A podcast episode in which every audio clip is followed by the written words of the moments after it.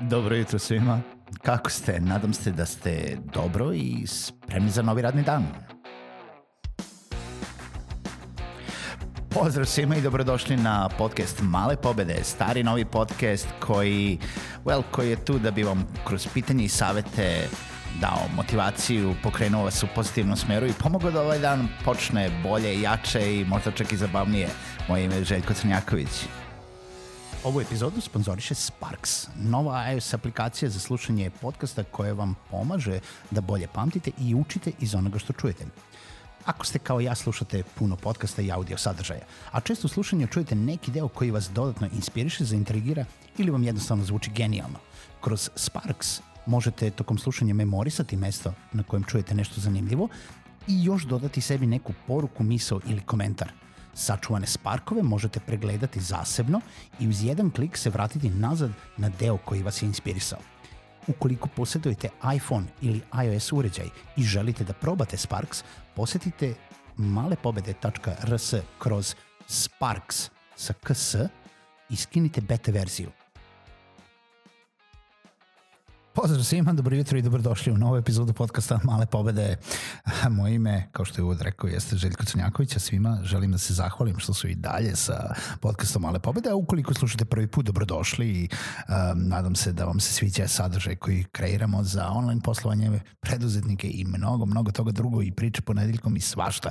I danas želim da pričamo o jednoj vesti koju sam nedavno pročitao, a tiče se o mailova, mailova u mailovima slanja mail lanaca, čitanja mail lanaca i mail lanci u mail lancima uh, kroz slanje mailova. Uh, ako vas je to zbunilo, onda, pa ne znam šta da vam kažem, uh, zbunila i mene vest i ne znam, ali u stvari počeo sam da analiziram i skontao sam da bi se možda čak i našla neka primjena toga. Naime, vest e, naravno e, tiče Gmaila i Googlea i koji je izbacio novost i vest da će u narednih dve, tri nedelje početi i omogućiti novu funkcionalnost unutar Gmaila, a to jeste da se zapravo mailovi mogu slati kao attachmenti unutar drugih mailova. Mm, pauza. Uh, mailovi se mogu slati kao attachmenti mailova. E sad, kogod misli zašto je to moguće ili nije moguće ili zašto bi to bilo potrebno, nekad se seti svih onih divnih mail lanaca koji ponekad idu u 20, 30, 40, 50 ili mnogo, mnogo više ovaj, reply-ova i, i kilometarsko dugačkih uh, um, lančanih mailova, to jest mail lanaca u kojima jel da, odgovori idu na odgovore i to se sad je, nastaje jedna nepregledna dolina mailova, što zapravo ima neku svoju poentu, jel da, jer u, u mail kao komuni način komunikacije nam služi da sve ostane dokumentovano, da svi budu u toku i da tačno možemo unazad ponekad da proverimo šta smo se to dogovorili, šta se nismo dogovorili, šta je ko rekao, šta je ko poslao, šta ko nije poslao i kada je to iskomunicirano.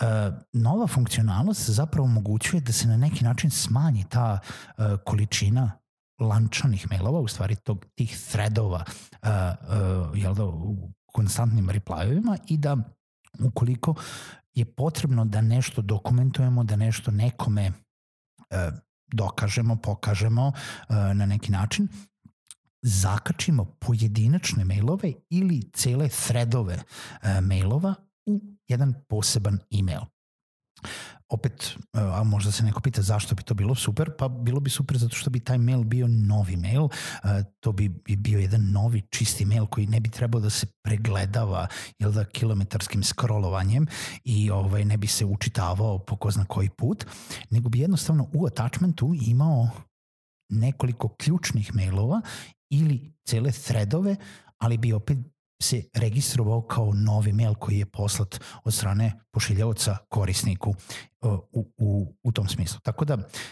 za one heavy korisnike Gmaila, eto jedna nova funkcionalnost uh, gde će Gmail nastojati da unapredi jel da, tu mail komunikaciju kroz slanje to je omogućivanje slanja maila kao attachmenta u drugom mailu. Ja mislim da je ovo korisno, mislim da je ovo izuzetno možda ne za svakoga, ali jel da od više funkcionalnosti ne boli glava. Um, I mail je i dalje jedan od osnovnih sredstava komunikacije.